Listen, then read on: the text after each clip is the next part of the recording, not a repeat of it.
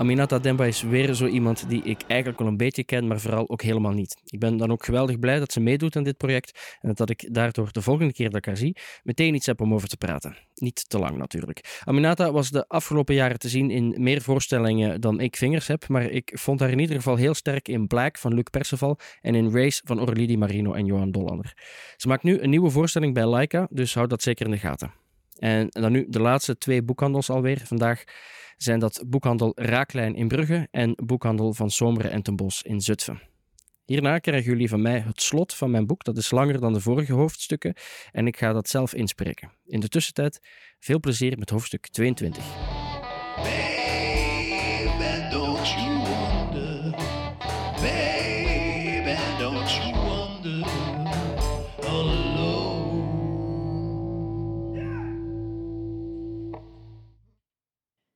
Vanaf het punt dat Alexander mij met die gratuite en inhoudsloze beschuldigingen achterliet, voerde ik niet langer een gevecht met mijn verslavingen, maar gaf mij totaal en weerloos aan ze over.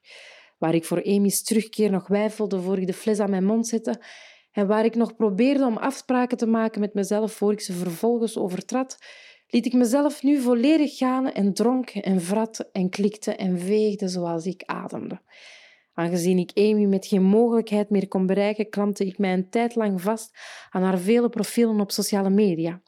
Als zij een zoveelste artikel postte waarin werd aangetoond dat mindfulness een positief effect kan hebben op mensen die zichzelf als eenzaam omschrijven, antwoordde ik niet in twee of drie, maar in een stuk of tien berichten dat eenzame mensen behoefte hebben aan een samenleving waarin mensen zich om elkaar bekommeren en niet alleen om het etaleren van hun vermeende persoonlijke prestaties.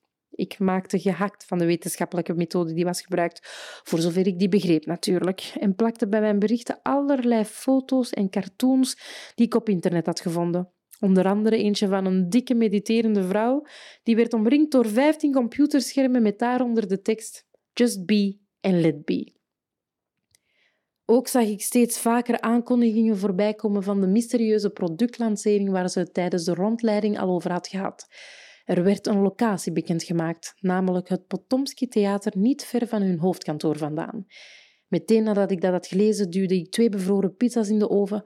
En toen ik terug met de pizza's achter mijn computer ging zitten, zag ik dat Amy eindelijk de tijd had genomen om mij op al haar accounts te blokkeren en uit te wissen.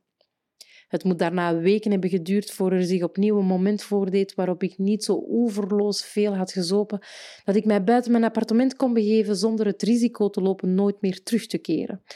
Het was Robbie Williams die mij weer naar buiten dwong, omdat hij de grote emmer kattenvoer die ik eens per maand voor hem kocht, had leeggegeten. Zelf liet ik meestal eten bezorgen, waardoor de laatste paar duizend dollar die ik nog bezat en die de laatste buffer vormde tussen mijzelf en mijn totale persoonlijke faillissement, ondertussen waren geslonken tot niet meer dan 400 dollar. Nog heel even en ik zou geen werk meer hebben, geen voedsel en geen enkel contact met de enige drie mensen die mij de afgelopen tijd nog hadden gezien. Nadat ik mijn kat te eten had gegeven, nam ik opnieuw de metro naar Nevin Street en nam ik plaats in een portiek vlakbij de koffietent tegenover Balance Inc. Daar bleef ik vier uur lang wachten tot ik Amy en Talita naar buiten zag wandelen. Ik wist dat ik niet zomaar op die twee meisjes af kon stappen met een halfslachtig verhaal waarin ik deed alsof ik toevallig in de buurt was.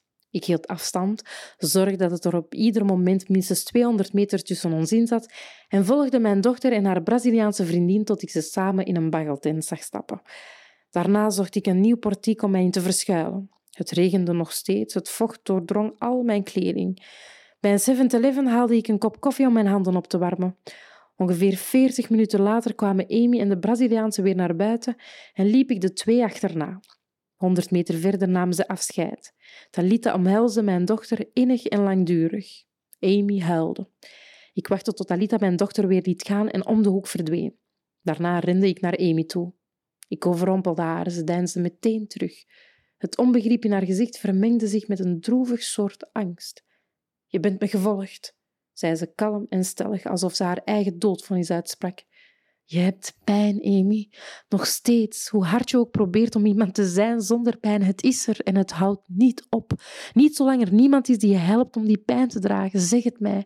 Zeg mij verdomme waar dit allemaal vandaan komt. Toen je vijftien was, hadden we een keer ruzie. Je hebt het mij toen gezegd en ik weet het niet meer, Amy. Wat was er toen? Lewis.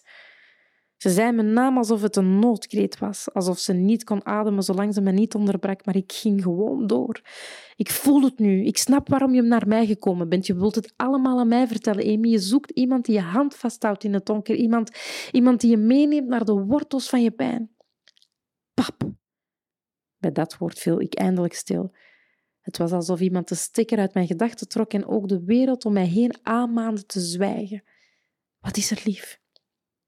Ik vind je eng. En ze draaide zich om en liep van me weg. Je hebt me nodig, schreeuwde ik. Toen ze dat hoorde, begon ze pas echt te rennen. Voor haar leven, zo leek het. Het was een ander soort rennen dan aan het begin van dit verhaal. Dit was precies dezelfde vlucht die ze acht jaar geleden ook al had ingezet. Ook toen liep ze niet voor zichzelf weg, maar voor mij. Het beste uit onszelf is uitgegeven door Pluim. De muziek is van Mark Nochem en Martijn Baak. Baby,